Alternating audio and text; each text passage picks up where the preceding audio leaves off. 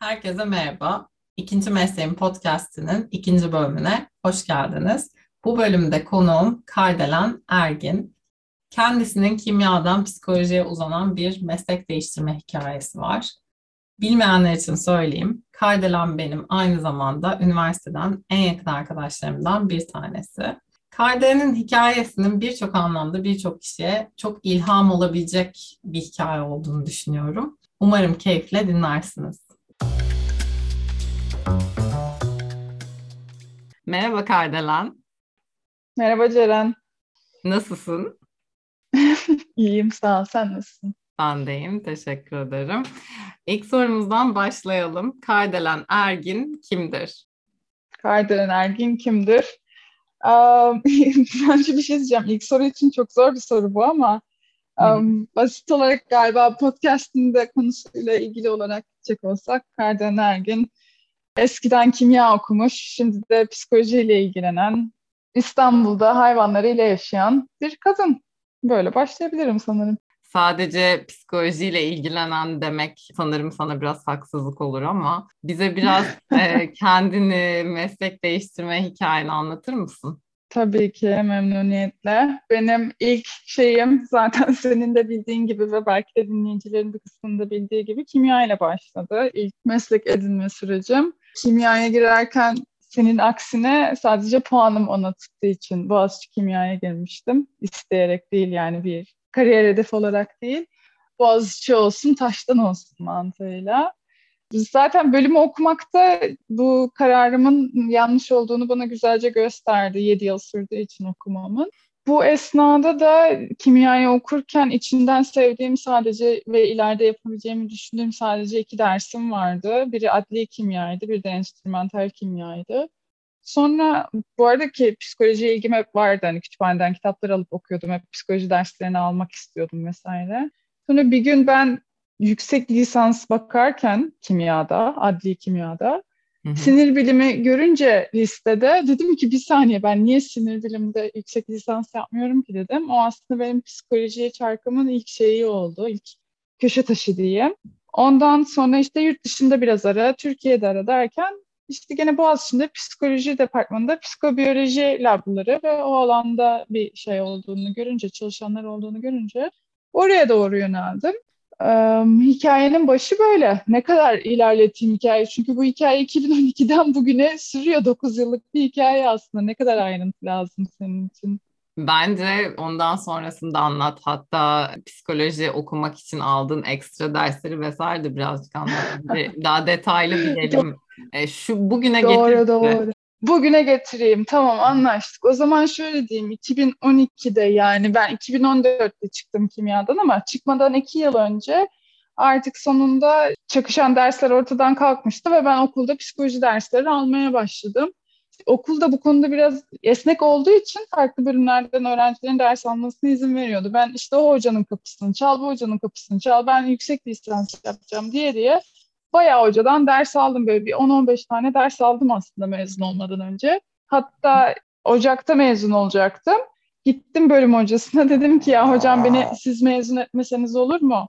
Ee, ben biraz daha psikoloji dersi alayım. Onlar da tamam dediler işte şey e, ders bırakırsın tarzında. Bir bölüm daha, bir dönem daha okudum. O dönemde işte bir beş psikoloji dersi falan almıştım. Neyse ben böyle bir daha kimya öğrencisiyken sürekli altyapı hazırlıyordum ama böyle bir uzun bir kariyer planı olarak yapmadım bunların hiçbirini. Ben şurada bunu yaparım da oradan şuraya geçerim de buradan bunu yaparım diye değil. Sadece çok merak ediyorum zaten psikolojiyi, insanı, beyni. E, hazır anlatan da var burada. Hazır dinleme imkanım da var. O zaman neden almayayım ki bu dersleri diye ilerliyordum. Sonra son dönemin içerisindeyken işte master'a başvurdum şeyde Boğaziçi'nde. E, bilim sınavını geçtim, sözlü sınava geçtim, master'a kabul aldım. Ondan sonra onu okumaya başladım. O dönemler tabii biraz zordu bu arada yani çok kolay bir şey de değil aslında bence bazı yüksek lisanslar. Orası biraz çalkantılı bir dönem benim için.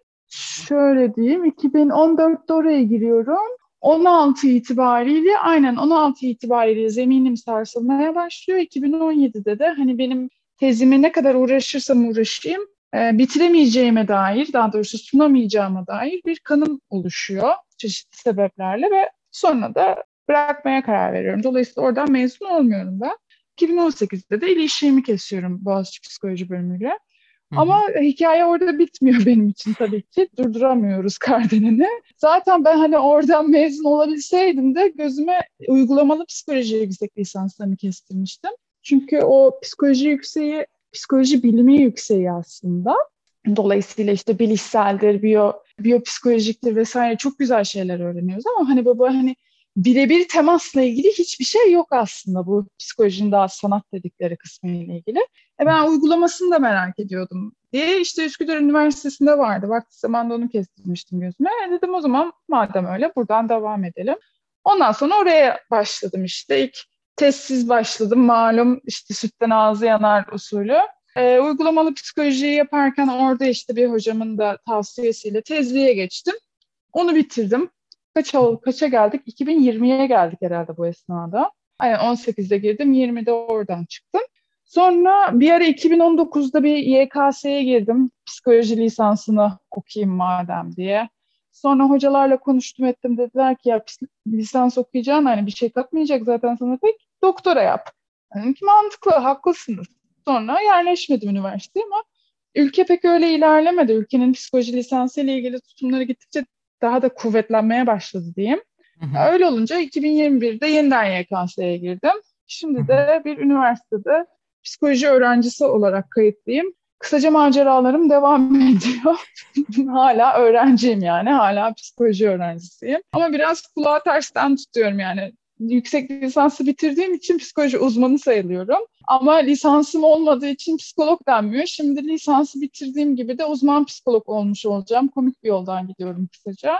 Ee, bu esnada da bunun uygulama kısmı da nasıl, ne zamandır? Bir beş yıldır falan da zaten danışmanlık kapsamında işte önce alışkanlıkları değiştirmekle ilgili, ondan sonra beslenme davranışını değiştirmekle yardımcı olmakla ilgili danışmanlık veriyorum insanlara da. Galiba bu sefer getirebildim günümüze. Evet, eksik bir şey kaldı aslında. Kaldı mı gene? gene neyi unuttum? Felsefe okuduğun aynı zamanda. Evet ya aklıma geldi. Dedim ki bu yeni bir alan değiştirme mi sayılacak? Ne oluyordur? Neyse ortalık karıştı. Evet bir de e, geçtiğimiz yıl itibariyle yani 2020 yazında ben yüksek lisansı bitirmemin hemen ardından hani artık dinleneceğim artık biraz nefes alacağım derken annem okuyacaktı aslında İstanbul Üniversitesi ikinci üniversite kapsamında kültür tarihi ve mirası. Hı hı. Ben onunla gaza geldim galiba ve zaten psikoterapinin de temelleri felsefede çünkü aslında. Hı hı. CBT'den bile gittiğimizde Stoa felsefesine iniyor temeli. Varoluşçuluk hakeza. Dolayısıyla o yazıları da daha iyi anlayabilmek, kaynakları da daha iyi anlayabilmek için dedim felsefe okuyayım ben madem biraz hani YouTube'da video izleyeceğime AUZEF açık öğretim videoları izlerim dedim. Dolayısıyla evet aslında bir de felsefe ikinci sınıf öğrencisiyim de hani beynim şey yapmamış onu. Tam böyle kabullenmemiş sanırım hani. O da bir şey değil diye küçümsüyor galiba ama küçümsemesi Azef kaynaklı değil. Benim kendi kişiliğim kaynaklı büyük ihtimalle. Hı-hı. Onu da e, anlayabiliyorsundur diye düşünüyorum. Hı-hı. Hani çok büyük işler yapmazsan saymıyor ya o evet. imposter sendromla hani sahtekarlık sendromu ile ilgili bir şey.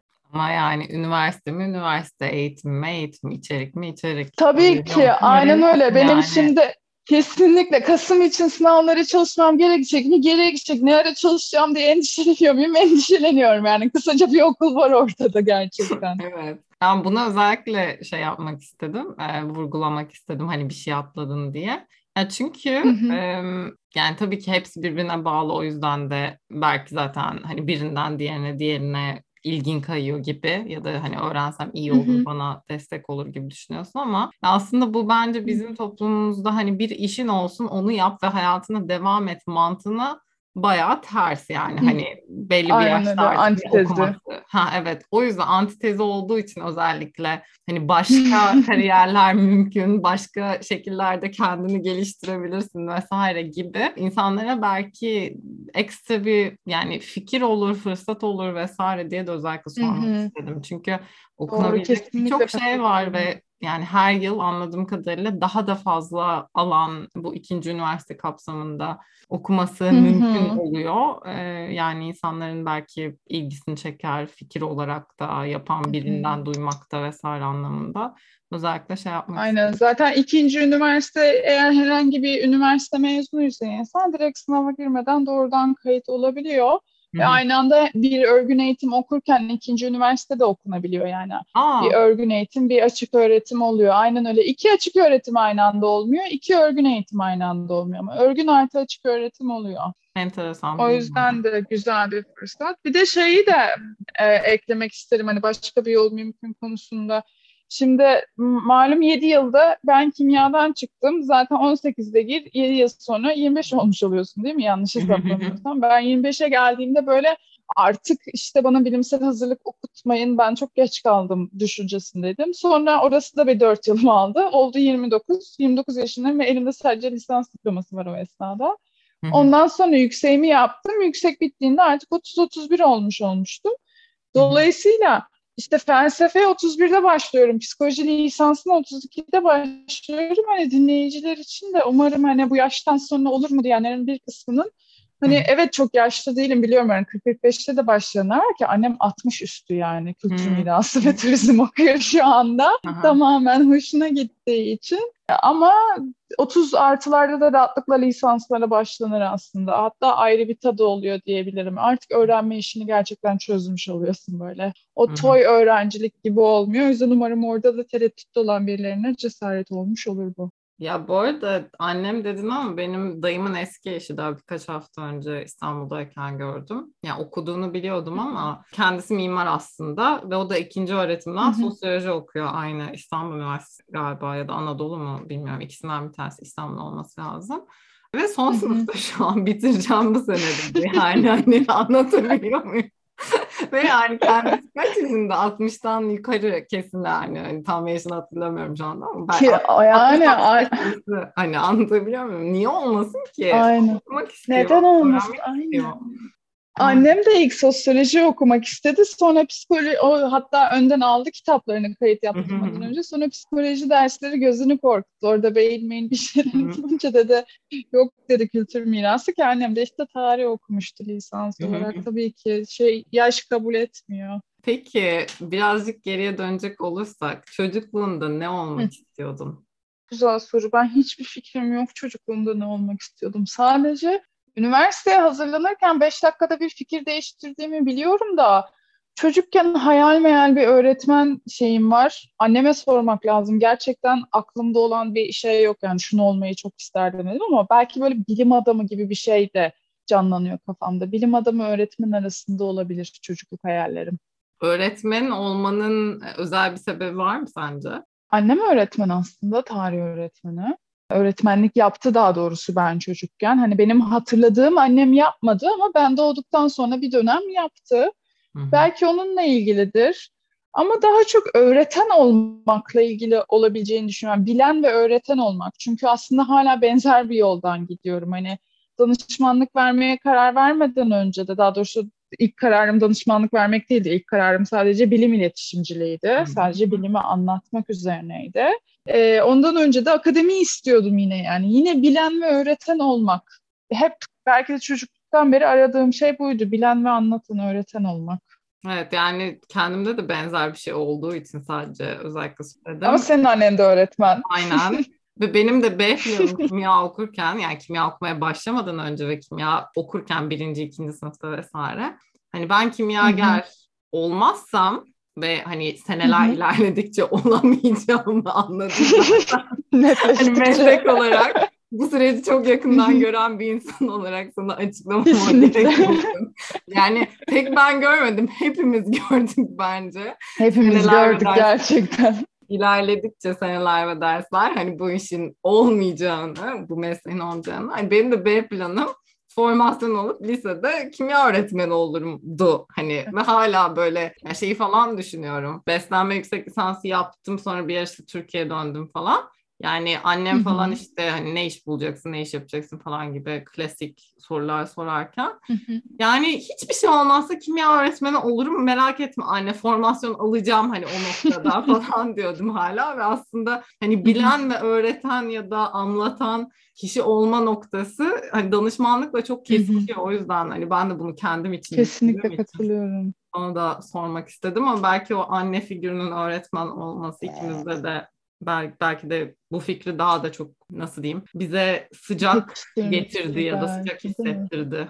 Belki, belki. Gerçi annemin öğretmen olmasından ben muhtemelen hiç memnun değildim. Çok ağlarmışım o işe giderken. Ama Aa. belki de öyledir gel. Tabii tabii zaten o kadar ağlamışım ki işe gitmeyi bırakmışım. o kadar ağlamışım.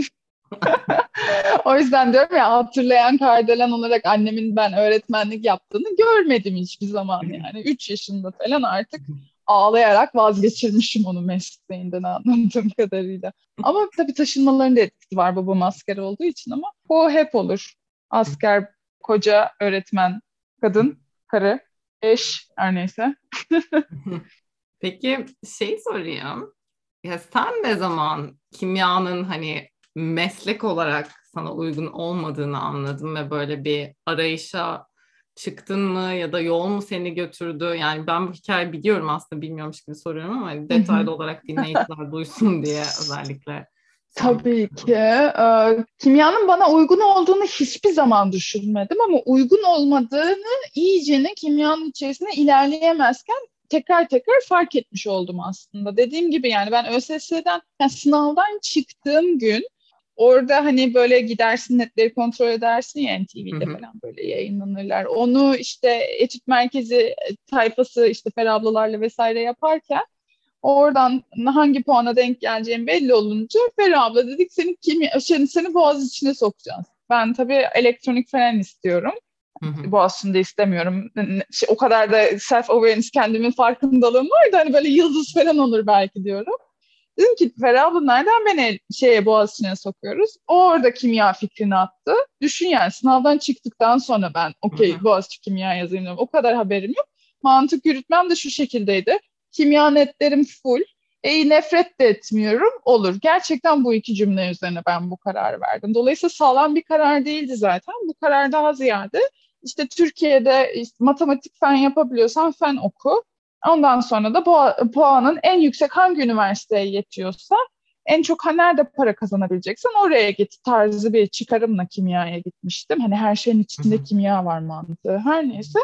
Ondan sonra ben kimyaya sadece tutunmaya çalışarak geçiyordu aslında. Hani bana olacağını hiç düşünmediğim için bunun neresini bana oldurabilirim der gibi gidiyordu.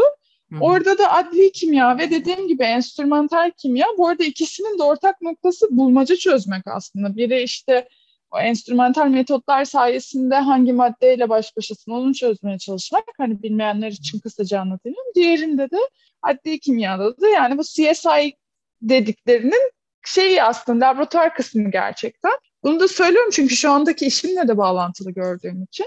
Sonra ben kimyanın içinde tutunmaya çalışırken gerçekten yani bir kış günü teyzemin evindeyken yüksek lisans ararken gerçekten orada neuroscience'ı gördüm diye aslında bir yol açıldı bana. Hani bu bilerek çizdiğim bir şey değildi hani madem kimya olmayacak o zaman şu olsun gibi değil.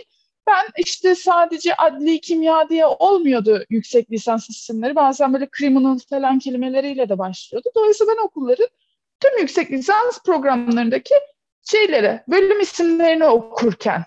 Yani dolayısıyla birçok kişi büyük ihtimalle alanını bu şekilde değiştirmiyordur. Başka bir yüksek lisans adı gördüm ve ilgimi çekti diye.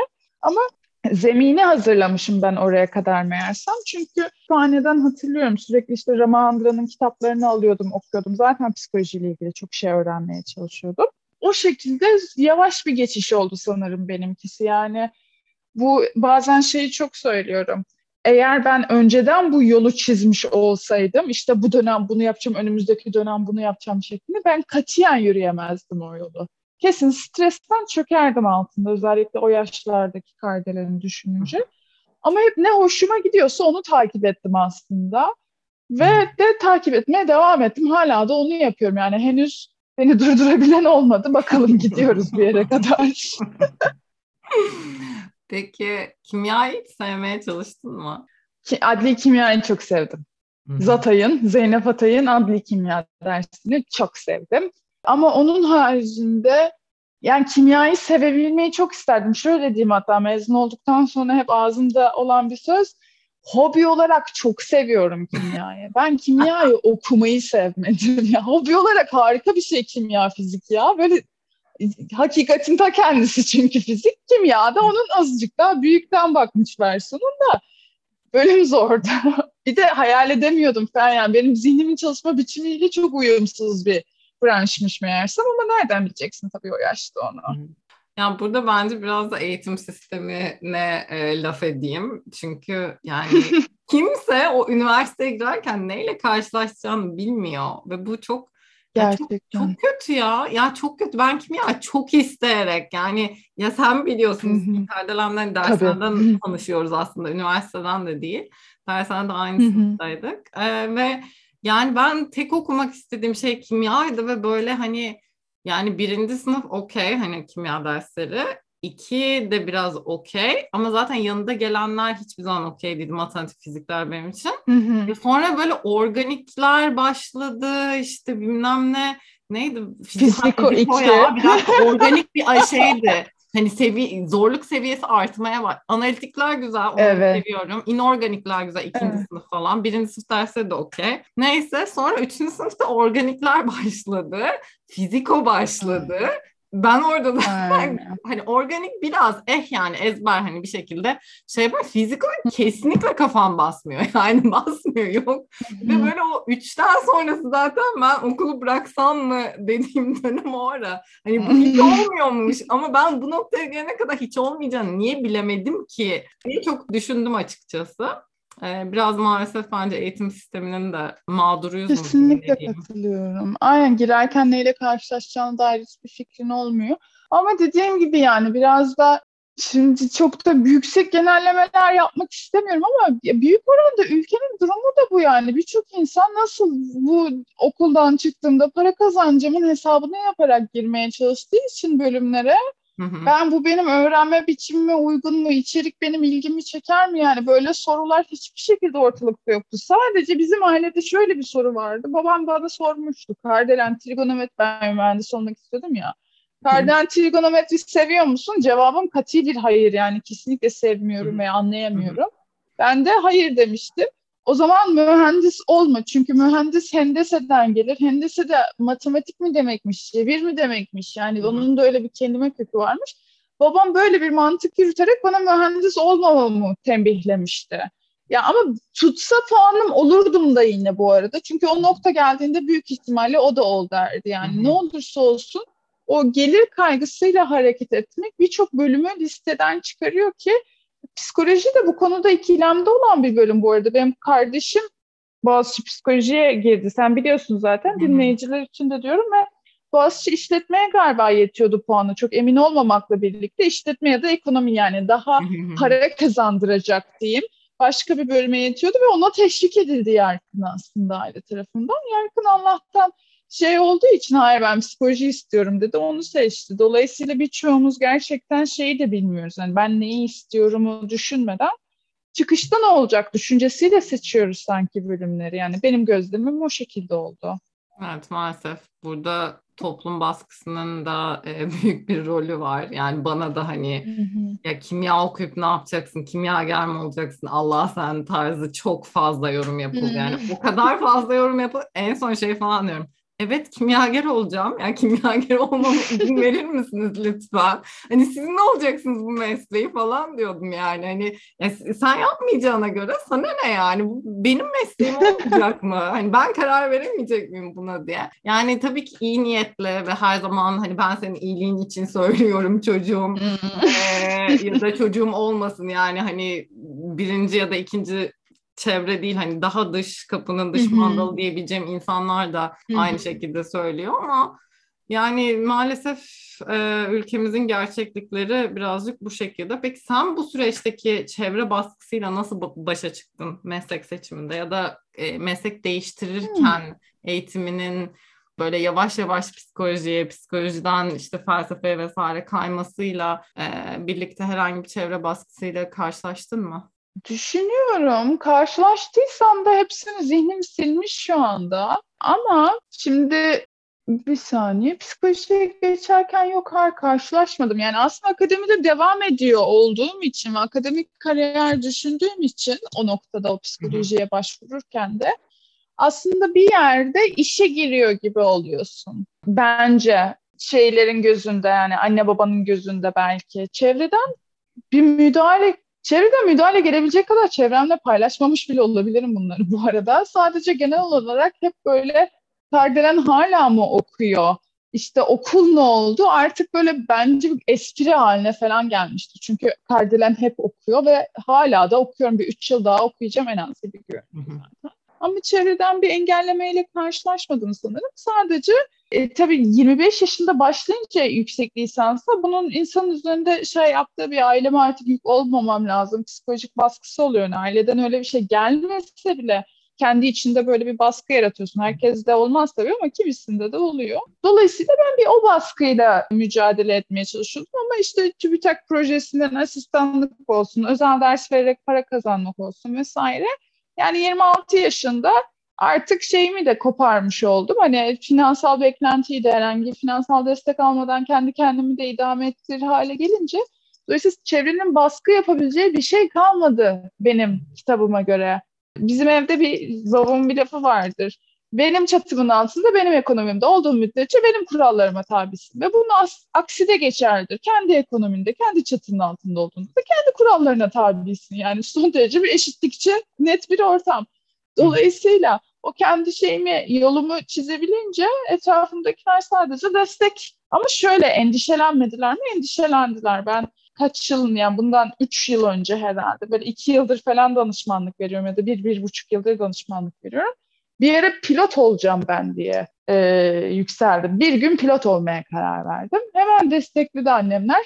İnanamadım yani desteklemelerine. Çünkü orada anladım. Benim hala bir yerlere varamayacağımla, kendimi idame ettiremeyeceğimle ilgili endişe duyuyorlar ki bir anda pilot olma fikrim onlara çekici geldi diye de Allah'tan ertesi gün vazgeçtim o e, şey uyku saatlerinin düzensiz olması aklıma yatmamıştı. Bir de programımı kendim yapamıyorum diye hoşlanmadım, başvurmadım ama buradan da biraz da şey de görüyoruz yani nasıl alan değişti. E, bazen insan daha az korkunca, daha fazla meraklı olunca alan değiştirmek bir tık daha kolay oluyor herhalde. Hani Hı-hı. çok beylik bir laf olacak ama sonunu düşünen kahraman olamaz galiba burada biraz işe yarıyor gibi görünüyor. Aynı şeyi düşünüyorum. Peki e, şunu sorayım. Hiç yani aklının bir köşesinde daha önceki zamanlarda hiç üniversite falan girmeden önce psikoloji var mıydı? Aa tabii ki. Psikoloji şeklinde değildi. Psikiyatri vardı. Ben Aa, psikiyatr olmayı çok istiyordum. Tabii ki. Bu arada babam da psikiyatr olmayı çok istiyormuş. Aa, Onun olamama hikayesi başka aynen. Çok saçma sapan bir şanssızlık. Üniversite sınav soruları çalınıyor. O da asker vesaire. O yüzden bir daha giremiyorlar gibi bir şey. Aa, Yoksa doğru, Gata'da psikiyatr olacaktı. Ha, aynen ben de evet, istedim. Efendim? Biraz bahsetmişti şimdi şey geliyor sen söyleyince. Tamam bilmiyordum sanıyordum biliyormuşum neyse. Ee? Aynen ben de psikiyatr olmak istiyordum. Ondan sonra büyük bir kuzenim var hani böyle belki 15 yaş büyüktür benden emin değilim Peyker abla. Bir gün onlar varken onunla konuştum bunları. O da dedi bana açıkladı hani hem tıp okumak çok zor işte 6 yıl boyunca sosyal hayatın olmamasını göze alıyor musun falan dedi. Ben de o hayır göze alamam dedim. Sanki çok bir sosyal hayatım var da onu göze alamıyorum, alamamışım yani ama yani lise sonsun çok kendin kendin kimsin daha bilmiyorsun ki. Hı-hı. Neyse ama daha benim için vurucu olan şey olmuştu hani o psikiyatri senin sandığın gibi bir şey değil demişti. Hani çok daha ağır vakalar gelecek. İşte ilaç yazacaksın, yollayacaksın gibi bir şey. Dolayısıyla ben orada onunla konuşurken herhalde o psikiyatrinin o hekimlik kısmı yine psikoterapi arasındaki yani psikiyatrın psikoterapi yapabileceğini falan o zamanlar bilmiyorum tabii bu kavramları. Hı. Aa benim istediğim şey bu değilmiş vardığımı hatırlıyorum o zamanlar ama o psike kısmı zaten hep ilgimi çeken bir şeydi. Annemler de hatta da lisedeyken de istiyormuşum. Sonra amcama danışmışlar. O da şey e, akademisyen. O da demiş ki bu yaşta bütün çocuklar istiyor zaten. Çok ciddi alınmamış galiba bu isteğim ama zaten hani bugün de dedim ya feni iyi olunca direkt fene yönlendiriliyorsun. Kaldı ki eşit ağırlığa yönlendirilseydim de edebiyatın altından kalkabilir miydim? O da bir muamma yani. Belki de benim psikolojiye varmamın tek yolu böyle dolana dolana varmaktı. Onu da hiçbir zaman bilemem sonuçta. O yüzden şeyim yoktur. Keşke eşit ağırlık okusaydım demem kesinlikle. Ben kimyanın o kazandırdığı bakış açısına, o hani bilgi işleme, o hard science denen o tam Türkçe'de ne deniyor bilmiyorum da pozitif bilim deniyor galiba. O pozitif temel, bilim bakış açısına bilim. da temel bilim mi deniyor? Hı-hı. Tamam o bakış açısı benim için değerli aslında. Ama evet sonuç olarak ilgimi çekiyor muydu? Hep çekiyormuş. Bir şekilde oradan buradan çıkıyormuş. Gerçekten. Hatta bir saniye şunu da söylemek istiyorum. Geçen gün evde kitapları ayıklarken çocukluktan kalma hani böyle bilim kitapları olur ya çocuklara yönelik. Hı hı. Onlara baktığımda ya beyin var ya da astrofizik tarzı işte gezegenler, yıldızlar falan. Yani şu anda neyle ilgileniyorsam gene onların kitapları varmış gene. Benim çocukken de ilgilendiğim bilim kitapları. Dolayısıyla sinyalleri hep vermişim onu gördüm. Peki şeyi sormak istedim araya kaynadı biraz. Kimya okurken böyle e, nasıl diyeyim hani yani oldurmaya çalışıyordum bir şeyine. Dedin yani sevdiğim bir tarafını bulmaya çalışıyordum. diye. Ama pek de hani adli kimya dışında bir şey bulamamıştın gibi. Bu süreçte ne gibi duygular hissediyordun? Yani nasıl hisler içindeydin? Çünkü sonuçta kimya programı da çok ağırdı yani. Haftanın 5 günü okuldasın neredeyse her gün 7-8 saat falan. Sürekli ders lab ders lab ders lab. Ve son seneye kadar 5 gün okulda olmamız gerekiyordu.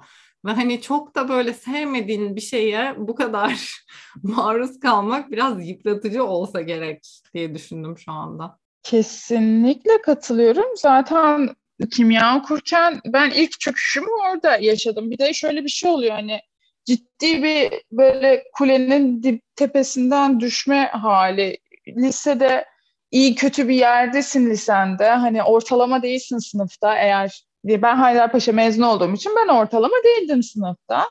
Üst kesimdeydim diye hatırlıyorum.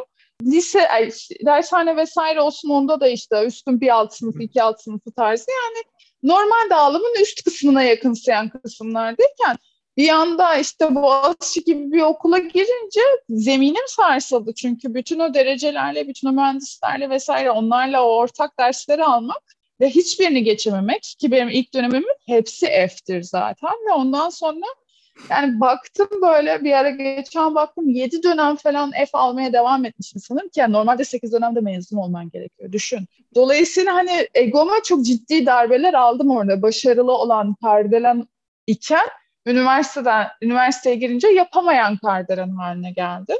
Dolayısıyla bir şey de hatta organik aldığım zamanlar bir toplan aile kahvaltısı tarzı bir şeyin ortasında ağlama krizine girdiğimde ben de bir şeylerin yolunda gitmediğini fark ettiler. Öyle bir antidepresana başladığım bir dönemim var.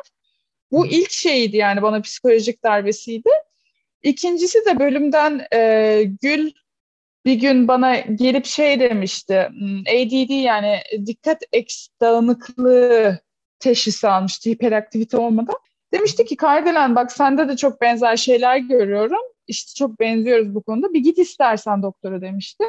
2013'te de onun teşhisini aldım sonra. İşte dikkat eksikliği ve hiperaktivite teşhisi. Dolayısıyla aslında kimyanın içerisinde benim debelenmelerim hem şeye çok yansıdı yani mental sağlığıma yansıdı ama bir yandan da niye bu kadar debeleniyorumun keşfedilmesine de sebep oldu ama ne gibi duygular?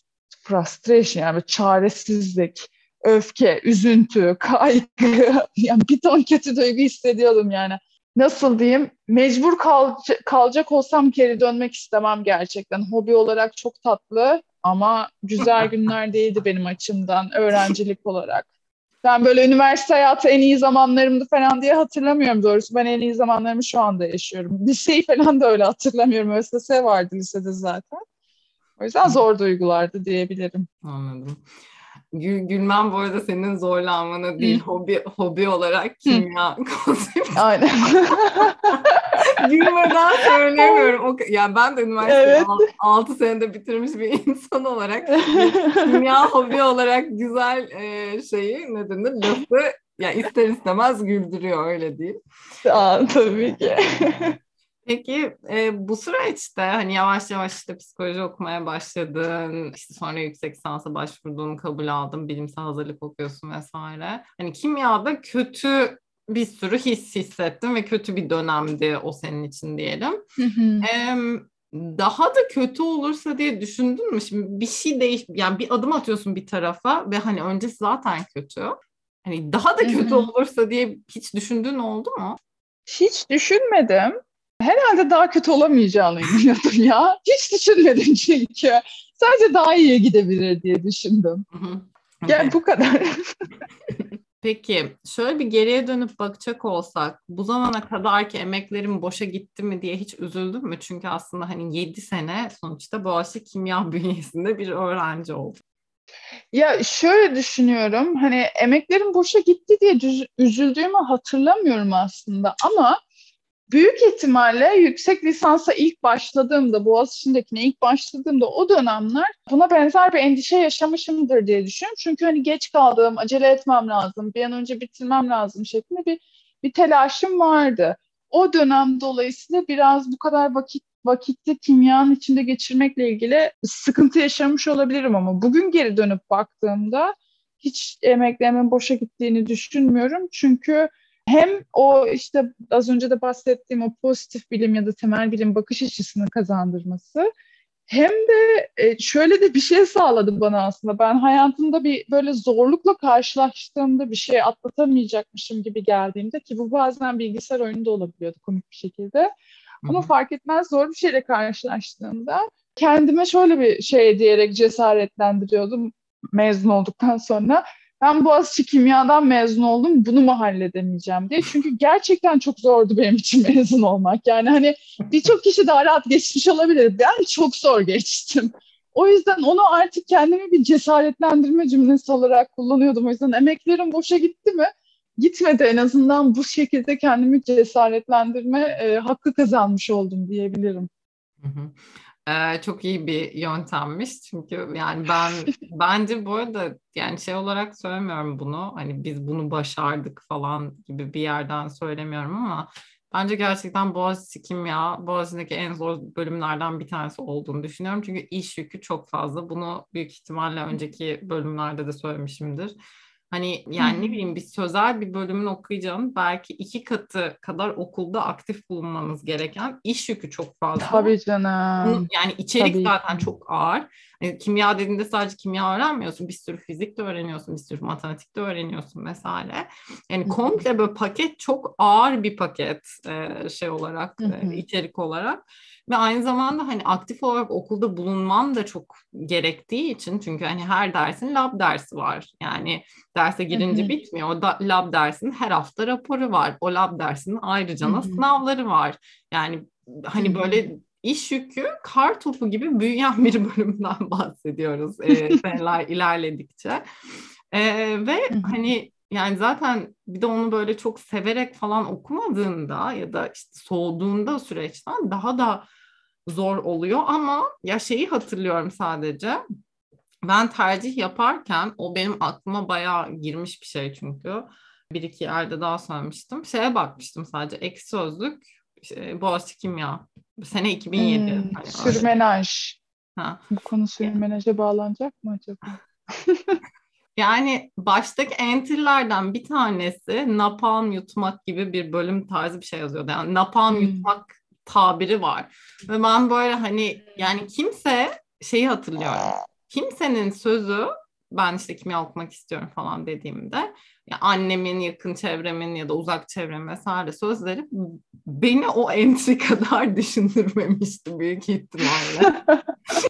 yani çünkü hani ya yazan bölümden biri hani onu gördüm ben. Yani üç kelimelik bir entry olabilir bu arada. Hani böyle çok detaylı bir şey değildi diye hatırlıyorum ama böyle hani gerçekten buna mı giriyorum ama bu, istediğim şey de bu o zaman tabii ki buna giriyorum falan gibi böyle bir şey olmuştu ama gerçekten zor bir bölüm bence. Sana bana zor gelmesiyle alakalı olduğunu düşünmüyorum. Hani dışarıdan bir insana genel olarak kimya okudum deyince böyle bir hani hats off durumu oluyor. Nasıl yani hani kimya çok ağır bir şey ve çok yani ne bileyim hani sciencey ve zeki olduğunu falan düşünüyorlar ve yani bilmiyorum benim en azından kendi sosyal çevremden çıktığım an itibariyle yani Boğaziçi ve Boğaziçi'ndeki bölüm arkadaşlarım dışında nereye girsem hani Türkiye'de, İngiltere'de vesaire ve sonuçta İngiltere'ye geldiğimde ilk zaman Boğaziçi kimya mezunu, yani kimya mezunu bir insandım öyle diyeyim. Hı hı. Aa kimya mı okudun falan çok zor gibi de dışarıdan hep bu tarz tepkiler aldım yani. Bence bu bizim kişisel tecrübemizle alakalı değil gerçekten kimyanın zor bir şey olduğuyla alakalı diye düşünüyorum. Hatta çok komik bir şey söyleyeceğim sadece çok ufak, çok uzattım ama ben böyle işte bölümün üçüncü, dördüncü senelerinde okulu bırakacağım diye delirirken ve bırakamazken Anneannem bir gün şey demişti hatırlıyorum yani anneannemin evinde salonda koltukta oturuyorum ağlıyorum ama zaten sürekli ağlıyorum o dönemde neyse. Anneannem şey demişti.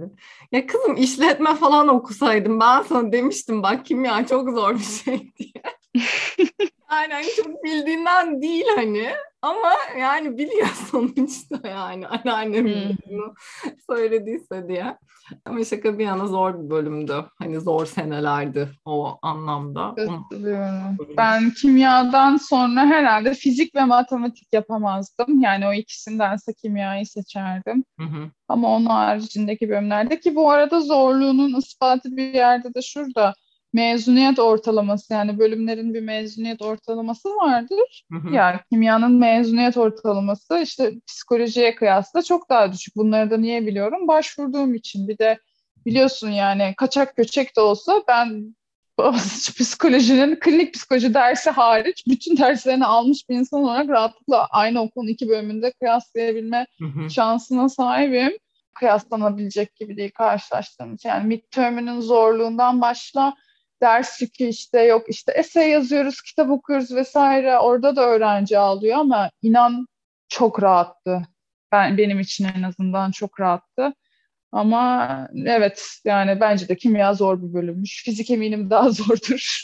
Ama kimyada kendi kendi hakkını verdirtiyor gerçekten. Bir de şey yanılgısı da olabiliyor ya hani bu temel bilimler birçok üniversitede olduğu için bazen de hani çok düşük puanlı insanlar gidip kimya okuyabiliyor. Dolayısıyla hani kimya vasat bir bölünmüş gibi de bence bir şeyi var, ünü var bir yandan. Ama e, şey olarak düşündüğümüz o bilimin temellerinden biri olduğu için aslında gerçek bir bilim adamı yetiştirme niyetiyle eğitim veren bir şeyde okulda e, maalesef çok ağır bir bölüm oluyor. Evet aynen. E, sadece not ortalaması konusunda şöyle bir objektif yorum da eklemek istiyorum. E, ben bir yurtta kalmıştım ve yurtta o da arkadaşlarımdan tanesi işletme okuyordu. Hı-hı. Ve yani böyle aşırı aşırı çalışkan insanlar da değillerdi öyle diyeyim. Ha, bir diğeri de psikoloji okuyordu bir de ben vardım öyle diyeyim. Yani böyle ortalamalar arasında yani dağlar dağlar dağlar kadar fark var. Yani şey falan hatırlıyorum. Yani nasıl ortalaman 3'ün altında olmaz falan gibi bir şey söylüyor. Yani böyle bir muhabbet ediyor. Ben böyle ya bizim bölüm birincinin ortalaması 3.3 zaten falan diyorum böyle. ya onların bölüm birincisi 4 ortalamayla mezun oluyor ve bundan multiple adet var yani bölümde hani e, bir senede işte 3-4 kişi 4 ortalamayla mezun oluyor Boğaziçi işletmeden. Ya bizim bölümden Hı-hı. bölüm birincisi 3.3 ortalamayla mezun olmuştu benim senemde. Ya hatırlıyorum yani hani anlatabiliyor muyum? Karşılaştırılabilir bir seviyede değil gerçekten. O anlamda da belki hani objektif olarak bunu görmek Hı-hı. iyi bir fikir olabilir. Peki şunu sorayım. Bu arada arkadan ufak ufak sesler geliyor. Bunu bence açıklayalım. Aa, evet şu anda sağımda köpeğim Mace, solumda kedim Schrödinger var e, arada duyduğunuz bazı sesler Maze'in horlama sesleri. e, Schrödinger'in de tüyleri bir garip çıkıyor diye az önce üstüne sarı kantron yazdırdım. Belki düzelir diye. O da ona itiraz ediyordu. Bölünme için kusura bakmayın. Ha. Şimdi Maze'in sesi gelmiş olabilir mesela gene horladı. Peki şunu sorayım. Yani bu uzun ve hala devam eden süreçte yani kişisel olarak uzun olduğunu düşünmüyorum bu arada. Hani ben de teknik olarak hala öğrenciyim o yüzden e, sözüm meclisten dışarı ama hani toplumumuzda genel olarak böyle bir akademik kariyer ya da akademik kariyer demek doğru olmayacak ama akademik hayat böyle bir e, hikaye hani bayağı şey görülür sıra dışı herhalde. E, bu süreçte hani devam etmek için cesaret nereden buldun? Çünkü çoğu insan hani bir noktada hani bir süreye uyma şeyi oluyor ya bir miktar hani şu yaşına geldin artık. O kadar evet. Çok iyi anlıyorum ve çok yerinde de bir soru. Çünkü şey de olduğu için yani sürekli senin lisansın psikoloji değil, kimya. O yüzden git buradanla her her her yandan buna maruz kaldığım için ve uygulamalı psikoloji yüksek lisansını yaparken bölümün bazı hocalarının dahi tutumu bu şekildeydi. Yani bu en son bir gün işte üst üste ilk CİMER'den geldiler. Bu işte Cumhurbaşkanlığına şikayet edilmişim. Aile danışmanları falan geldi. Alakasız yani. Bunun alakası bile yok. Sonra maliyeden geldiler aynı hafta içerisinde. Ocak'ta biri demişti seni maliyeye şikayet edeceğim diye Instagram'dan. Onun şikayeti herhalde 6 ay sonra işlem buldu. Çünkü farklı bir adreste aramışlar beni eski ofisinde vesaire. Ondan sonra işte ders saydırmak için başvurdum. İşte bu kaydımı yaptığım üniversite hiçbir dersimi saymayacaklarını söylediler ilk başta. Yani o hafta gerçekten ben küfürümü edeceğim. O yüzden özür diliyorum dinleyicilerden. Ceren gerekirse bipler ama böyle fuck it bırakıyorum demeyi çok istedim. Demeye de çalıştım. Nereden geldi devam etme cesareti? Kahretsin çok seviyorum alanı. Yani başka bir şeyi bu kadar seviyor olsaydım ben yüzde yüz yolumu değiştirmiştim. Gerçekten akıntı hep yüzüme yüzüme vuruyor. Yani bu rahat rahat yürünen bir yol değil. Genellikle hani bu işte psikolojiyi e, nasıl diyeyim insanlar kötüye kullanıyor. Bundan gelir elde etmeye çalışıyor. Hani elimizi kolumuzu sallaya sallaya ya da belki de sadece kendi özelimde değil. Elimi kolumu sallaya sallaya böyle oradan yağları balları topluyorum. Buradan rahat edeceğim gibi böyle izlenim oluyor ve bunun bunu ifade eden saldırılar alıyorum. Hiç böyle bir şey yok. Birkaç ayda bir illaki moralimi bozan ve niye uğraşıyorum ki? Hani çünkü şöyle de bir şey var. Hatta şurada itiraf etmek istiyorum. Ben psikoloji lisansından mezun olunca aslında uzman psikolog olmuş olacağım ya. Bu beni rahatsız ediyor bu fikir artık. O kadar çok psikolog ve uzman psikolog ya da psikoloji adayı tarafından o kadar linçe uğradım ki aslında affedersin ama onların adına utanıyorum şu anda. Dolayısıyla devam etme cesareti nereden geliyor? Yeteneğim var bence. Terapistim de öyle düşünüyor. İlgim var ve bu alanda, başka alanda olsa oraya geçerdim gerçekten. O yüzden tam cesaret diyemiyorum sanırım yani merak diyorum, motivasyon diyorum. Hı hı.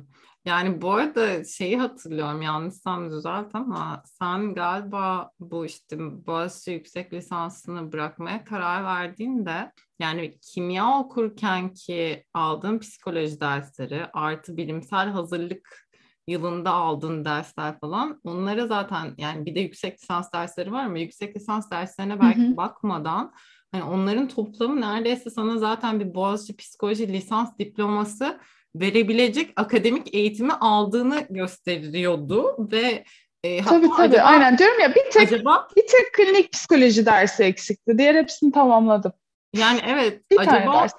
Evet evet şeyi hatırlıyorum çünkü acaba ben psikoloji lisans diploması alabilir miyim bu dersleri aldığım için diye düşündüğünü ya da bunu araştırdığını ya da bunu konuştuğumuzu hatırlıyorum hayal meyal. Hani o noktadan ama sen psikoloji lisansı mezun lisans mezun değilsin denmesi de böyle insanı gerçekten çileden çıkaracak bir şey. Çünkü lisans şey değil yani bir kağıt parçası değil. içerik sonuçta lisans eğitimi. E, bu eğitimi aldıysan yani o kağıt parçası mı seni kalifiye ya da kalifiye değil yapıyor? Biraz saçma ve geri kalmış bir... Katılıyorum ama yasalar yasalar nezdinde psikoloji lisans diplomasına sahip olana psikolog deniyor. O yüzden ben diyorum ki okey zaten psikolog değilim. Ama bana en çok şey dendiğinde ben köpürüyordum. Umarım artık köpürmem. Bir şey bilmiyorsun dendiğinde işte. Çünkü diploman nerede dediklerinde diplomam yok ve bu beni rahatsız etmiyor. Ben zaten yalan söylemiyorum bununla ilgili ama hiçbir şey bilmeden 2-3 kitap okumakla olmaz dediklerinde Ceren gözüm kararıyor sinirden. Öyle ya, bir evet. sinirleniyorum ki. Evet tahmin ederim. Ama evet işte dediğin doğru ki işte dersleri saydırmaya kalktığımda da aynı şey oldu. Okul bana aynı dersleri bir daha aldırmak istedi ve şu şekilde açıklama yaptılar. O jetonları o diplomayı almak için kullandın. Sen şimdi o jetonları kullandın buradan yeni jeton alacaksın diye açıkladı bölüm başkanı. Ben wow. de dedim ki okey yani galiba parasıyla diplomayı satın alacağız. ya o parayı bir daha ödeyeceksin. Allah'ın Tabii Bu tabii aynen aynen. O parayı ödeyeceksin diyor. Endülüjans diyor Yarkın bu arada bunlara kardeşim. Hı-hı. Eskiden kilise cennette toprak satarmış. Endülüjans denirmiş. Buna fakirler satın alırmış. Aa, buna da Yarkın bu tip eğitimlere endülüjans diyor. Yani parasıyla şeyi satın alıyorsun diye. Tam öyle olmadığını düşündüğüm bir yerdeyim şu anda ama bir yerde de maalesef bunun bir ticaret olduğu gerçeği insan sürekli yüzüne çarpıyor.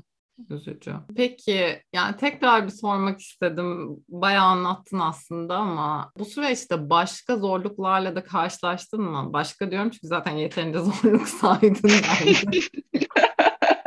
ama hani şu da vardı unutmayalım dediğim bir şey var mı?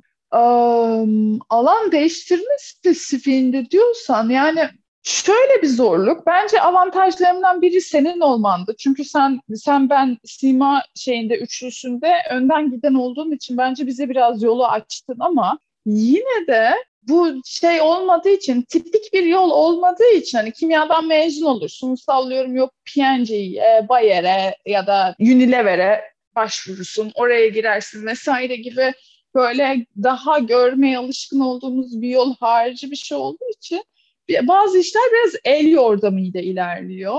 Deneme yanılma ile ilerliyor. O kısmı biraz zorlayıcı. Bir de hani böyle bir alan değişikliği yaparken doğal olarak bence bunu değiştirmeye harcadığın mesai daha fazla oluyor. Yani sabah 9 akşam 5 bu işe emek veren bir insanın alan değiştirmesi bir tık daha zor olabilir yani. Böyle bir hamle yapıyorsan ve bunun da biraz hızlı olmasını istiyorsan eğer o zaman daha fazla saatini bu değişime harcaman gerekiyor ve ben geçenlerde fark ettim durup düşününce ilk ne zaman başladı bilmiyorum ama hayatımın belki son kaç yılıdır diyeyim 2014'te yükseğe başladığıma göre en az 7 yılı benim psikoloji düşünmediğim, konuşmadığım ya da okumadığım bir tane günümün geçmediğine yüzde yüz eminim. Çünkü hiç olmazsa aklıma bir şey geliyor ve Google'dan açıp bakıyorum onu bu neydi diye. O yüzden yani ben kendi namıma zorluk diyemem buna. Çünkü bu bana enerji veren bir şey. Ama bu değişimin zorluklarından biri diye listeleyebilirim yani. Değiştirdiğinizde gerçekten emek bekliyor yani. Kolay değişmiyor aslında. Ama yeter ki istediğimiz şeyi değiştirelim. O zaman motivasyon otomatik geliyor. Evet bence hepimizin hikayesinde zaten e, bu üçümüzün hikayesini peş peşe yayınlamayı planladığım için insanlar üçümüzün de hikayesini hı hı. peş peşe dinleyecek. Orada da belki puzzle'ın parçalarını birazcık daha iyi tamamlarlar ya da büyük resmi biraz daha görebilirler ama yani benim hı hı. bu podcast'i yapmaya başlamaya karar vermem ya da hani böyle bir içerik iyi bir içerik olur dememin nedeni zaten biz üçümüzdük hani. çünkü yani kimya okuyup üç farklı mesleğe nasıl evrilebilir e, diye. E, yani çoğu insan... Ve birbirinden de alakasız üç meslek gerçekten. Evet, Hadi yani... senle ben belki bir tık daha yakınız. Sima iyice ne? evet, aynen. Ama Sima da o esnada aslında konservatuvarda müzikal okuyordu ya yani onun Evet Sima iki defa var. iş değiştirdi. yani onun da osuyla alakalı aslında ki direkt kimya ile alakalı olmasa da ama yani e, hani böyle bir şey var nasıl diyeyim yani insanların duymaya alışık olmadığı hikayelere sahip olduğumuzu düşünüyorum genellikle. Hı hı. Ve bunun aslında yani işte bu daha önce de konuştuğumuz gibi meslek ya da şey değil de ne istiyorum, neyle ilgileniyorum değil de çıkınca ne kadar para kazanacağım ya da hani ne meslek bana statü getirir gibi kararlarla birlikte insanların ne kadar mutsuz olduğunu ben danışanlarım konteksinde e, gördüğüm için ya başka hikayelerin de mümkün olduğunu aslında insanlara ulaştırmak için hani bu podcast'i e, yapma fikrine varmıştım diyeyim ama yani bence buradaki en önemli şey hani bizim bence meslek değiştirmemiz ve iyi kötü ben üçümüz için de başarılı diyebileceğimi düşünüyorum açıkçası. Hani Bence de e, diyebiliriz kendimize. Canımız yani, sağ olsun yaptığımız kadarı çok güzel. yani evet bence yaşımız ve hikayemiz için gayet başarılı olduğumuzu düşünüyorum e, üçümüzün de. Hani burada aslında ortak noktanın hep para ya da işte societal norm diyeceğim hani başarı bilmem ne değil. ilgimiz olan şeyi takip etmek olduğunu e, gördüm ve bunu aslında vurgulamak istedim. Çünkü meslek seçerken yani ikinci mesleğinizin olmasına gerek yok illa. Bence ana mesleğinizde de yani ilginiz olan şeyi takip ederseniz hayat çok daha bence kolay oluyor. Çünkü gerçekten senin de dediğin gibi ilgili olan şeyi yapmak için çok daha motive oluyorsun. Hani senin söylediğin hani 7 senedir benim psikoloji konuşmadığım gün yok dedi. Aynı benim için de beslenme için öyle yani. 8-9 senedir beslenme konuşmadığım gün yok. E, ve bunu çok Ben zaten bu Ceren Food Labs zamanından Hı-hı. beri şey yaptığım için Hı-hı. farkında oldum. Sen gerçekten yani daha iş olarak bile düşünmezken yani herhangi bir ki hepimiz öyle başladık yani Hı-hı. daha bununla ilgili bir şey bile yokken ortada bununla ilgili şeyler ilgimizi çekiyordu yine. Senin orada tarif ilgini çekiyordu. Evden kendi yemeğini yapıp getiriyordun ve bu sana daha çok enerji veriyordu mesela. Yani o daha besleyici olmak, daha kuvvetli olmak yani bu tarz şeyler. Ama bu arada ben şurada şöyle bir eklenti yapmak istiyorum Ceren. Belki dinleyen bazı insanların özellikle yaşça daha genç olanların aklından geçebileceğini düşündüğüm bir soru. Neyi sevdiğimizi, neyi istediğimizi nereden bileceğiz ya bilmiyorsak sorusunu ben çok denk geliyorum buna. e, bu tabii ki kolay bir soru değil ama en kısa cevabının ben şu şekilde olabildiğini keşfettim. Deneme yanılma. Yani onun bunun şunun tadına bakmadan neyin tadını sevdiğini tutturman mümkün değil.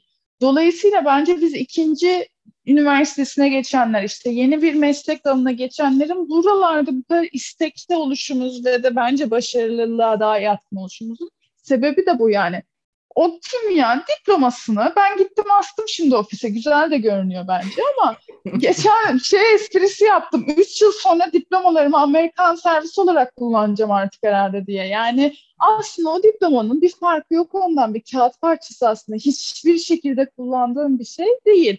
Ama bilemezdim bunu. O yaşta bunu bilmem mümkün değildi. Deneye yanıla, deneye yanıla. Dolayısıyla hani nereden bileceğiz neyden hoşlanıyoruz diye aklında soru işareti olanlar varsa elinizden geldiğince kendinizi bir şeylere maruz bırakın derim.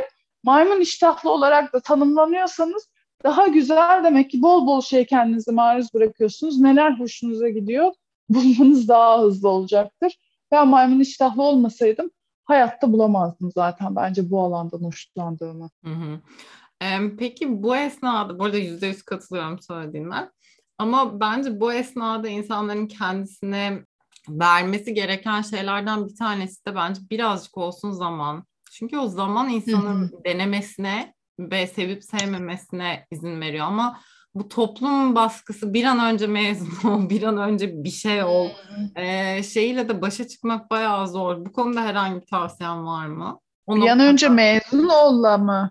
Hmm, yani vardır ya um, ne zaman mezun olacaksın ve ne zaman işte işe gireceksin çok haklısın. falan. Ya o da böyle o deneme yanılmaya aslında hiç izin vermeyen bir ortam yaratıyor bence insanlara. Özellikle ilk Çok haklısın. Bunda bir de işte gene ekonomik gerçeklikler var yani kalkıp da şey yapıp yani ben mesela dediğim gibi kısmetliydim. Ailemin yanında yaşamaya devam edebiliyordum. Eğitimim devam ettiği müddetçe hani çok rahat mıydım? Hayır, evden okula, okuldan eve yaşayabiliyordum ailemin yanında ama para kazanmak zorun, zaruriyetim yoktu hayatta kalışım için. Herkes için koşul böyle olmuyor tabii. Hal böyle olunca bizim anlattıklarımız itopik geliyor olabilir kulağa ama bu bence şunu engellemiyor yani. Belki de biten eğitim neyse onun işte para kazandıran işine başlayıp buna daytime job yani gündüz işi deyip asıl istediğin neyse onu da gece işi olarak yatırımını yapmak ki Google'da böyle kuruldu yanlış bilmiyorsam. Ee, üç kişi tarafından kuruluyor sanırım. İki ya da üç çok emin de olmamakla birlikte hepsinin aslında bir gündüz işi var yani. Para kazandıkları bir işi var. Google ilk search engine yani ilk arama motoru değil. Ama mevcut arama motorlarını beğenmiyorlar. Diyorlar ki bunun daha iyisi olabilir. Bunun daha iyisini yapabiliriz. Dolayısıyla garajda bunlar daha iyi bir arama motoru yazmak yolunda çıkıyorlar sadece. Yani biz buradan parayı kırarız gibi değil. Dolayısıyla bu değişimi yaparken de bir para kazandıran işin varken bu değişimi yapmak çok çok daha rahat.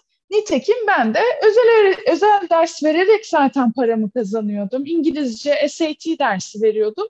E, çok veren hoca olmayınca kendimi idame ettirecek kadar kazanabiliyordum.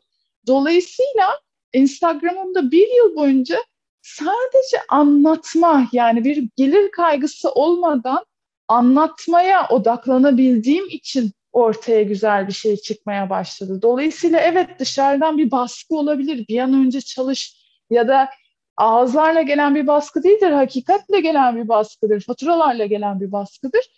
O zaman çalışmaya başlayıp yine de yoldan vazgeçmek gerekmiyor. Diyorum ya işte bir tık daha fazla çalışacağız zaten alanı değiştirmek istiyorsak. Hı hı. Hatta bununla ilgili bir TED konuşması bile vardı. Bilmiyorum Aa. linklenebilir mi ama İstersen şey, bulurum. sanırım podcastlerin böyle bir description kısmı gibi bir şey oluyor. Oraya koyabiliriz. Sen bana yollarsan. Tamam, bulurum onu. Peki şunu sorayım. Yeni mesleğinde ne olarak tanımlamak istersen e, bu mesleğini haliyle. Mutlu musun? Çok mutluyum ya. İşimi çok seviyorum. Sadece işimle ilgili sevmediğim tek şey gerçekten çok pahalı ya Ceren. Eğitimler, okullar yani böyle çok çalışıyorum ama çok da harcıyorum. O şeyi böyle bir beş yıl sonra herhalde artık kazandığım ve şey işimde iyi hale gelebilmek için harcadığım dengesi biraz daha fazla kazandığım tarafına döner inşallah. Öyle bir şeyim var, gelecek öngörüm var. O zaman daha da mutlu olacağımı düşünüyorum. Şu anda çalışma saatlerim biraz uzun oluyor tabii ki bu şeyleri, durumları karşılayabilmek için. İşte bir de İstanbul'da tek başına yaşayan kadın olma gerçeği ya da kadın olması da gerekmiyor. Tek başına yaşayan insan olma gerçeği her neyse. Hı hı. Ee, ama onun haricinde çok seviyorum. Çünkü bu hani önceden dedim ya adli kimya ve enstrümantal hani bulmaca çözmek gibiydi diye. Hı hı. Benim işim de öyle yani birinin karşımda çözmek istediği bir problemi var ve bu problemi çözebilmek için ben sürekli kendimi psikolojiyle ilgili doldurmaya ve donanımlamaya çalışıyorum. Ve o problemiyle geldiğinde o kendini anlatabildiği sürece ben de onun yaşadığı problemi anlayabilmek için çaba gösterdiğim sürece gerisi dedektifçilik gibi oluyor yani. Tespit et, nasıl çözülebileceğini tespit et ve birlikte çözmeye çalış. Bu bana inanılmaz keyif veriyor. Gerçekten hani o değişimin eşlikçisi olabilmek e, çok ödüllendirici bir iş olduğunu düşünüyorum. Hı hı, süper. Peki bu süreçte hiç pişman olduğun ya da keşke dediğim bir şey oldu mu? Bu süreç dediğim en baştan bu noktaya kadar gelecek olursak. Ben bir ara pişman olmaktan vazgeçtim hayatımda. O yüzden pişman oldum diyemem. Ama geçmişte dönüp bir anı değiştirecek olsaydım e, o benim Boğaziçi Psikoloji'den aforoz edilmeme sebep olan web sitemde yazdığım psikoloji uz pardon uzman psikolog ibaresi olurdu. Herhalde bir şey değiştirecek olsaydım bütün bu süreçte tek an o olurdu ki bölümden aforoz edilmezdim. Ee, onun haricinde e, hiçbir şeyle ilgili bir keşkem yok. Ne yaptıysam beni bugüne getirmiş. E bugünüm de güzel görünüyor. O zaman demek ki her şey yolunda. Senin için başarının tanımı nedir? Yani az önce dediğimin neredeyse aynısını tekrarlayacağım gibi. Herhalde benim için başarı yani kişi o anın içinde durduğunda huzurlu ve memnun hissediyorsa yani o durağan halinde o content hani okeyim ya ben burada. Bu okey bir nokta diyebiliyorsa hı hı. bu başarı benim için bu kadar bu kadarıdır. Çünkü çoğumuz onu diyemiyoruz zaten. Yani çoğumuz sürekli bir koşturmacanın içerisindeyim. Sürekli bilmem ne olunca daha iyi olacak, bilmem ne olunca daha iyi olacak. Dolayısıyla ben olduğum halle bu olduğum kadarı okey, çok şükür diyebiliyorsam benim için başarı orada tamamlanmıştır. O yüzden de zaten sen bence biz üçümüz başarılıyız dediğinde katılmamın sebebi de oydu. Yani ne olursa olsun çok şükür diyoruz zaten. Ne güzel diyoruz. E demek ki başarılıyız. Hı hı. Katılıyorum. Bence aslında e, yani bizim o content, mutlu, huzurlu olmamızın ana sebeplerinden bir tanesi de e, kendi saatlerimizi kendimiz yönetebilecek bir düzene sahip olmamız. Yani sevdiğimiz işi yapıyor olsaydık da bence kendi işimizi yapmıyor olsaydık, başka biri için çalışıyor olsaydık, Hı-hı. saatlerimiz vesaire biraz Hı-hı. daha başka bir düzen tarafından belirlenmiş olsaydı bence bu kadar huzurlu olacağımızı düşünmüyorum açıkçası.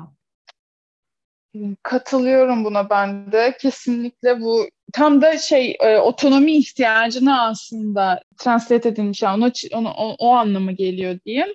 Kendi hayatımla ilgili bir otonomimin olabilmesi yani şimdi sallıyorum. Bir psikoloğun ya da psikiyatrin yanında çalışıyor olsam o zaman belki yine aynı işi yapacağım.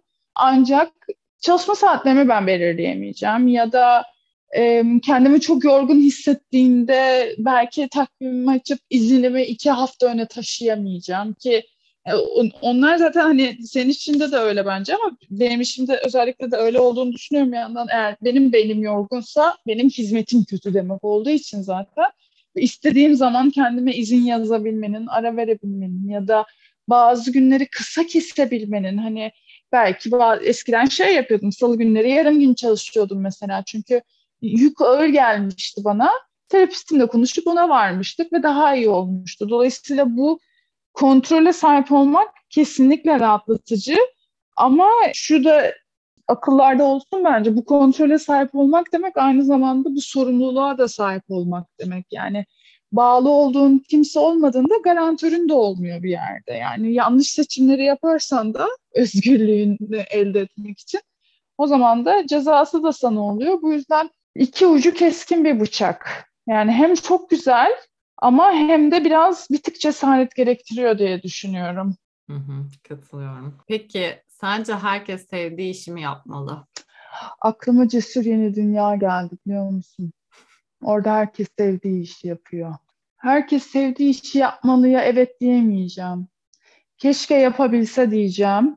Ama herkes sevdiği işi yapmalı diyebileceğim bir eğitim sistemi bir yani bir kolektif yetiştirilmeden geçtiğimizi düşünmüyorum. O yüzden ideolojik olarak çok güzel bir fikir ama pratikte uygulanabilir olduğunu şu çağda düşünmüyorum.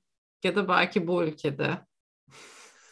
Yani bütün ülkelere hakim değilim ama yani belki birkaç Kuzey Avrupa ülkesi falan istisnadır ama onun haricinde dünyanın geri kalan yerleriyle ilgili de çok, süper ümitli değilim doğrusu ya da belki Yeni Zelanda falan. Yani bir elin parmaklarını geçmez herhalde. Bunu yapabileceğin ülkelerin sayısı diyor içimden bir ses. Yani ben de spesifik olarak hani sayı sayı olarak bilmiyorum hangi ülkede tam olarak ne oluyor ama yani sosyal güvencenin biraz daha yüksek olduğu, sosyal devlet algısının biraz daha yüksek olduğu yerlerde en nihayetinde devlet sana baktığı için bir şekilde sen çalışmasan da diyeyim. Ya ben bunu ilk öğrendiğimde ne zaman hatırlamıyorum yani 15 yaşında falan olabilir.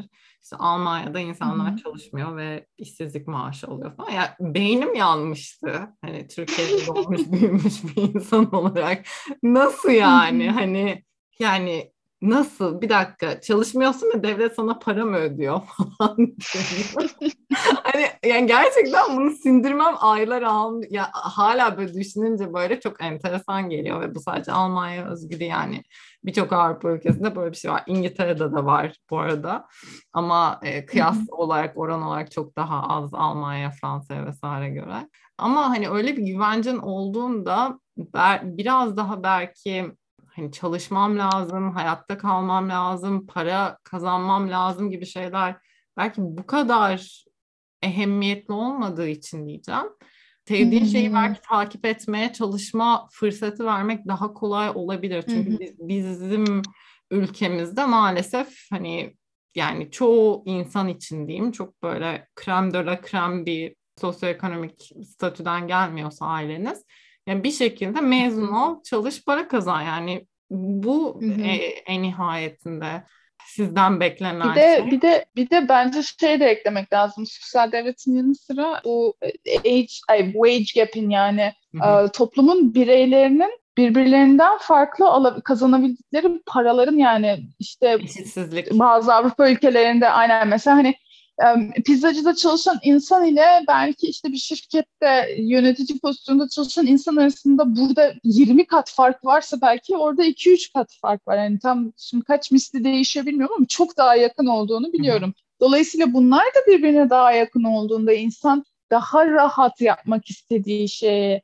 yönelebilir. Yani sallıyorum aklıma hep sanatlar geliyor. Şimdi hı hı. tiyatrocu olmak ya da heykeltıraş olmak isteyen biri açlığı göze alması gerekiyor neredeyse eğer burada çoktan banka hesabında onu yaşatacak bir para hazır beklemiyorsa ama başka ülkelerde böyle değil. Dolayısıyla daha kendi yapmak istediğin şeyi bulabilmek için şey e, ihtimalin artıyor doğrudan. Hı hı. Peki son olarak şunu sorayım sana. Meslek değiştirmek isteyenlere önerilerin neler olur? Herhalde bir, eğer ki bu burada da konuştuğumuz gibi işin ucu ekonomik kaygılara bağlanıyorsa bu gündüz işini devam. Ondan sonra istediğiniz alanda da kendinizi yavaş yavaş geliştirip yani diğer alan otomatik olarak para kazandırmaya başlayınca gündüz işini bırakmak. Nitekim Ceren seninki de öyle oldu, benimki de böyle oldu. Yani biz ben bundan para kazanayım diye girmemiştik Instagram'a. Sonra sana da danışmanlık veriyor musunuz diye mesajlar geldi. Bana da aynı şekilde verdi yani.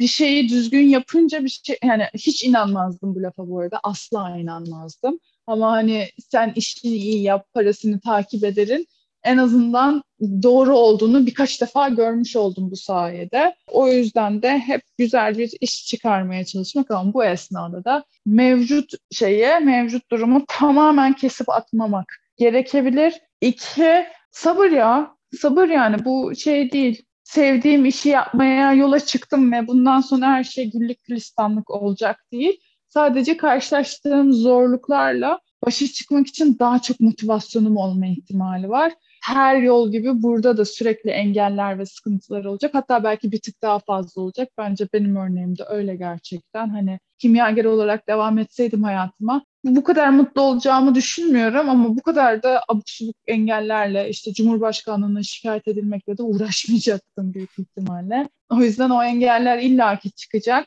O engeller çıktığında da olmuyormuş diye bir anda pes etmemeyi tavsiye ederim. Çünkü devam ettikçe gittikçe her şey kolaylaşıyor aslında. Katılıyorum.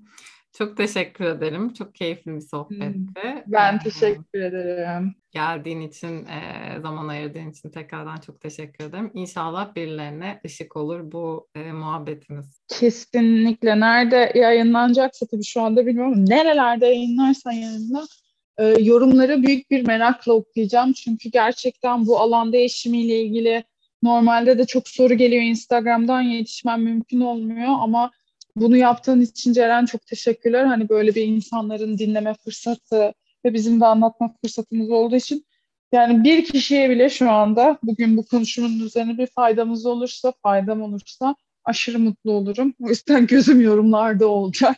Ve mutlu olursanız yazın lütfen. Biz de mutlu olalım. Podcast platformlarında gördüğüm kadarıyla maalesef yorum yazmak pek mümkün değil. Yani Spotify, Apple, Apple'da gerçi iTunes'ta yazılıyor galiba emin değilim ama podcast'in kendi Instagram'da Instagram paylaşırım. Olacak. Evet orada belki insanlara e, yorum yazmasını şey yapabiliriz. Bir de düşünsene bir kişiye bile hani yardımcı olsa ne güzel olur dedin. Mesela bir bundan 5 sene sonra 10 sene sonra sizin sayenizde cesaret ettim, meslek değiştirdim ve çok mutluyum diyen insanların mesajları gelse herhalde hayat amacıma ulaşmış olurum diyorum. Ve bak bir tane daha şey gö- göstermiş oldun aslında yine bu meslek değiştirmeyin örneği gibi bir şey oldu senin için. Yine seni mutlu eden bir şeye yönelmek yani podcast kaydetmek bunun beslenme danışmanlığıyla hiçbir ilgisi yok sonuçta. Hmm. Tam şey kendi kendini tekrar eden bir şey oldu.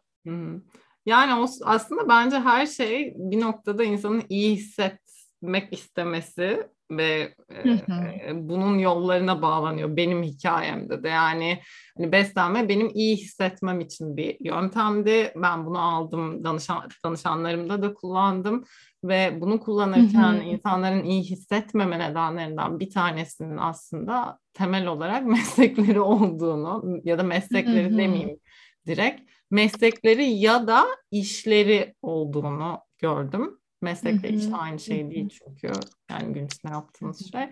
Ee, bunun değişebileceğini ve bizim de bunu yaptığımızı ve yapan da aslında az çok insanlar var. Yani hani konuştukça Hı-hı. çıkıyor hep işte yani duyuyorum bir şekilde onun arkadaşı şunun bilmem nesi, danışanın ta kendisi vesaire vesaire var aslında bu hikayeler. Ee, ama Hı-hı. duyulması lazım. Duyulursa birilerine belki onların da kendilerini iyi hissetme yolculuğunda diyeyim ilham olabilir e, diye paylaşmak istedim. Bakalım neler olacak diyelim. Bir 5-10 sene sonra bu konuyu tekrardan belki konuşuruz. Anlaştık 42 yaşında. 10 Aynen. sene sonra açıp bakacağım. bir tane reminder, reminder koyalım şimdi. Reminder. Vallahi ikisini hala Google takvim kullanıyorlarım. Çalar. Görüşmek üzere. Kendine iyi bak. Sen de. Hoşçakal. Bye bye.